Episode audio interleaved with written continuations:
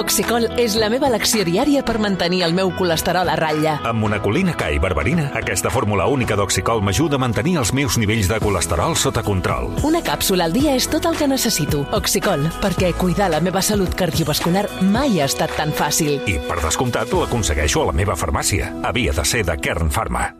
Bé, anem amb, la, amb el que ha estat la sorpresa d'ahir, que va passar això d'una d'una manera inadvertida, mm. i que més d'un ja hi va posar l'atenció amb un nou impost. Ah?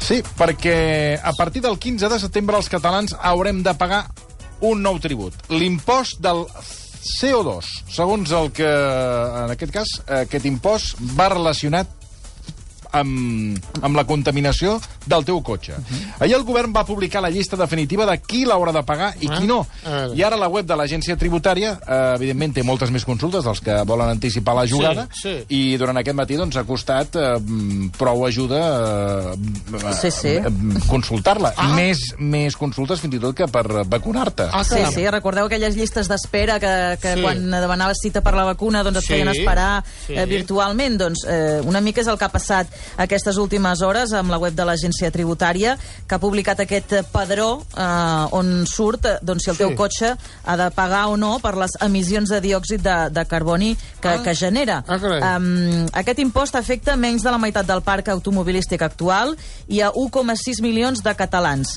Uh, hi entren els turismes i motos amb domicili fiscal a Catalunya el 2020 i que emetin més de 120 grams de CO2 per quilòmetre. Uh, pel que fa a les furgonetes, les que emetin més de 160 grams de CO2. Això, si ho voleu saber, els papers del cotxe, en teoria, Mm. Ah, et ja ho diu. posen exacte el, el que et contamina. Aquesta tarifa va, segons el que contaminis, eh, entre 6 i 60 euros. De mitjana, per exemple, un turisme pagarà 35 euros l'any i les motos 26. En queden... Ah, les motos també l'han de pagar. Sí, les motos també. En queden fora els que tinguin vehicles elèctrics o aquests anomenats cotxes clàssics o, o històrics, eh, en queden fora, també ciclomotors, camions, autocars, eh, ambulàncies, per exemple, o transport eh, doncs, espacial. A partir del 15 de setembre, com dèiem, es pot començar a pagar a través del web de l'Agència Tributària Catalana. Qui no ho faci, que no es preocupi, a partir de l'1 de l'octubre rebrà una carta a casa amb l'import a pagar i el temps que té per, per fer-ho. Els eh, 68 milions que es preveuen recaptar aquest any aniran destinats a millores al transport públic, fomentar energies renovables i vehicles nets. Y pagar el tot- tot de la això. independencia. Aquest impost, Toni, té una història, és que es va, el va aprovar el Parlament el 2017, o sigui, ja des del 2017 que està aprovat, Fixa't. però com passa, doncs hi ha un recurs del govern espanyol al Constitucional, el Constitucional fins al 2019 doncs no diu que és legal, després el Parlament aprofita per fer-li uns retocs, i el 2020 és quan ja s'havia de cobrar, però amb la pandèmia es va aturar, es va aturar tot. Ciutadans ara demana un nou ajornament per als efectes econòmics que ha tingut el coronavirus. Deixeu-me saludar a aquesta hora Marta Espasa, que és secretària d'Hisenda de la Generalitat. Senyora Espasa, bona tarda. Hola, molt bona tarda. A veure, primer de tot, deixem preguntar-li qui ha de pagar aquest impost d'emissions de CO2. Ara aquí Míriam Díaz ens feia un relat, però, clar, eh, això, diguéssim, aquest impost va adreçat a les persones físiques o també a les empreses? També les empreses. Tant les persones físiques com les empreses, totes aquelles que siguin propietàries de turismes o motos que tinguin unes emissions de més de 120 grams per quilòmetre per quilòmetre o les furgonetes a més de 160 grams per quilòmetre. Eh, I quins criteris eh, han fet servir per fixar l'impost? És en funció... eh, Perquè eh, eh, hi ha, durant tot el matí aquí a la redacció hi ha, hi ha membres de l'equip que s'han- bueno, s'ho han, estat mirant, perquè clar, ha entrat ara ja el, el, el moment d'assabentar-te de, de, de la notícia i de buscar si has de pagar o no, o no has de pagar, i hi ha gent que té un cotxe de fa 4 anys que ha de pagar 10 euros, però en canvi hi ha d'altres companys que tenen un dièsel per ser exactes del 2006 i li surt que no ha de pagar res. Com, com s'entén això? Sí, a veure, eh, cada vehicle té unes emissions de CO2 associades. Eh, D'entrada, els vehicles dièsel contaminen, generen menys emissions de CO2 que els de benzina. Per tant, mm, és probable que si una persona té un vehicle dièsel eh, doncs no tributi perquè, en principi, eh, els dièsels emeten menys CO2. Emeten altres, eh, altres eh, gasos, però com que aquí estem gravant el CO2, que és el que genera l'efecte hivernacle i, per tant, el canvi climàtic, doncs, en principi, eh, el dièsel genera menys CO2 i, per tant, tributaran menys. Eh, hem agafat el llindar dels 120 grams perquè és un llindar molt estàndard des de fa ja molts anys a nivell europeu. I, per tant, eh, per aquest any, el llindar que s'ha establert és el de 120. Eh, la tarifa també és progressiva, és a dir, eh, i de fet es tributa a partir dels 120 grams. Si un vehicle té emet 125 grams, doncs només tributes pels 5 grams que superen els 120. Val? És com els 120 primers queden accents, d'alguna manera, per Mhm. dir-ho clar. Eh? Mhm. I llavors, a partir d'aquí, la tarifa es va incrementant, de manera que aquells vehicles, aquells turismes que emeten me més de 200 grams, que també n'hi ha, doncs aquells, òbviament, tributaran molt més perquè el tribut per gram a partir dels 200 grams doncs és molt més elevat. Um, perquè qui, quin és el màxim que pot arribar a pagar un ciutadà per aquest impost? El màxim és el que fa un moment mencionàvem, 60, 65, Oh, 65 euros, no. o, o depèn? La quota, clar, depèn de cada vehicle. Aquí cada vehicle tindrà el seu, el Impost. seu impost. Però la quota mitjana del que són els turismes està al voltant d'uns 32, mm, 32 euros.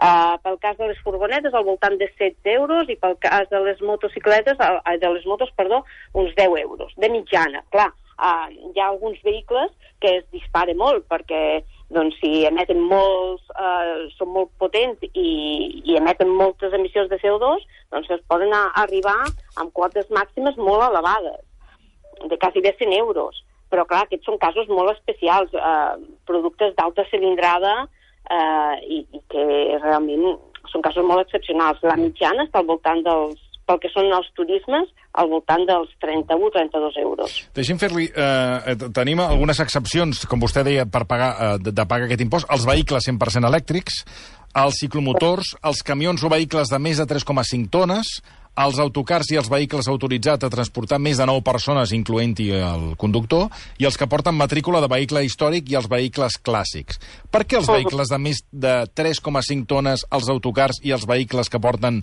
a més de 9 persones no han de pagar aquest impost si també contaminen? Val, un és perquè, per exemple, el tema dels camions, no? uh, que són els que no, no, no queden gravats. Aquest impost mm, és un impost que vol ser conscienciador i que mm, el que intenta és incidir a l'hora d'adquirir un vehicle que la gent tingui en compte el factor mediambiental. Per tant, i avui en dia, el que, pel que fa als turismes, a les furgonetes i a les motos, doncs la gent té possibilitats d'adquirir eh, aquest tipus de vehicles menys contaminants. Pel que fa als camions, doncs avui per avui no hi ha una alternativa. I per tant, eh, per molt que posis un impost sobre un camió, eh, si no hi ha alternativa, doncs eh, la, eh, qui adquireix aquest camió no, no, no pot anar a adquirir eh, vehicles menys contaminants.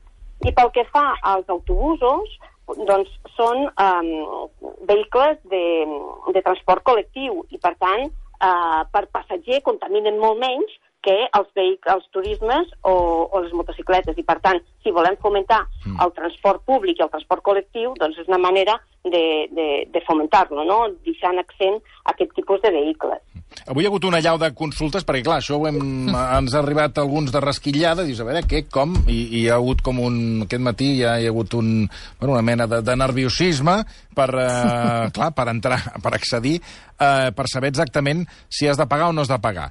Eh, quins són els períodes? És a dir, eh, quins terminis donaran vostès per, eh, primer per consultar, després per pagar, i si finalment, si no consultes ni pagues, i, i també li volia preguntar com s'ha de pagar aquest impost, si a través d'una transferència o com va, i, i com deia fa un moment Míriam Díaz, si els que se'n desentenguin, si els arribarà via carta aquest impost. Com anirà això?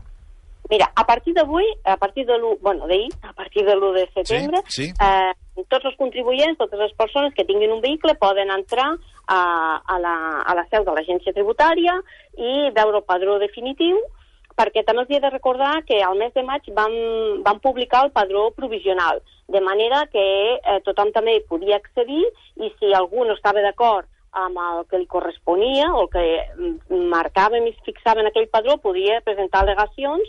Aquestes al·legacions han estat estudiades i ara hi ha el padró definitiu.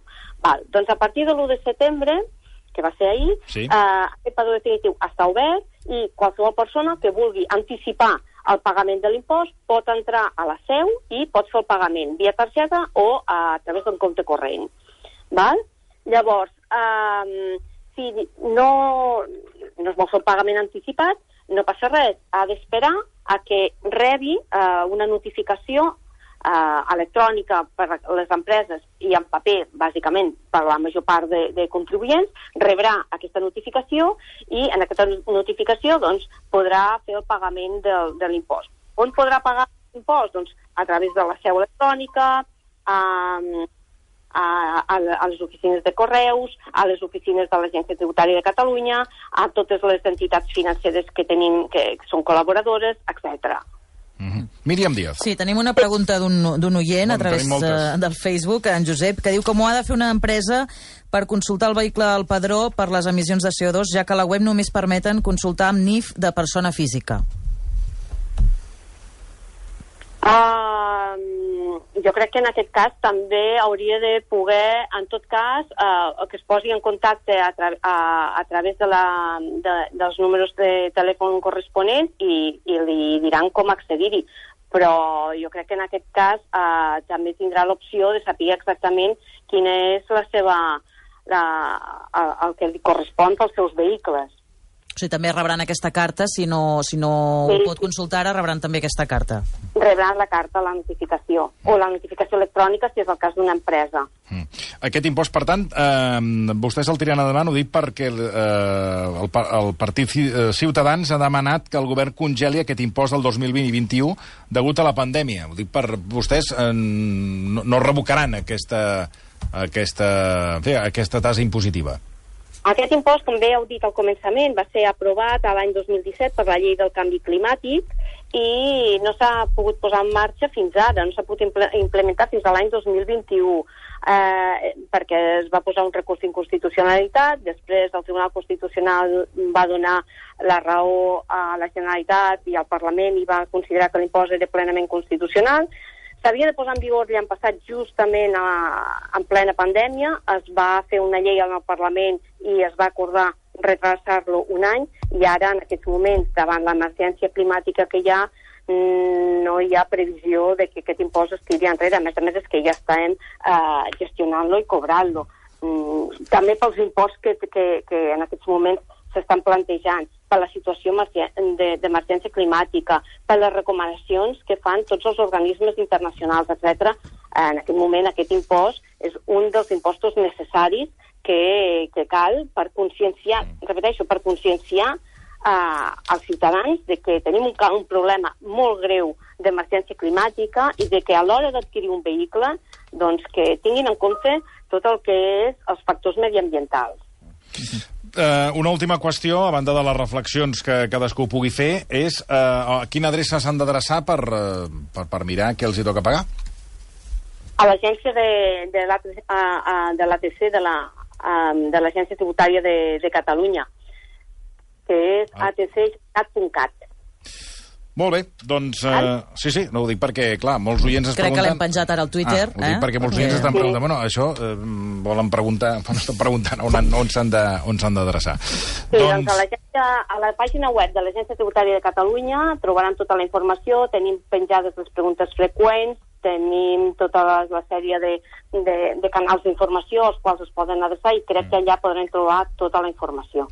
Molt bé, senyora Marta Espasa, secretari d'Hisenda, moltíssimes gràcies per atendre'ns. Moltes gràcies a vosaltres. Gràcies, bona tarda.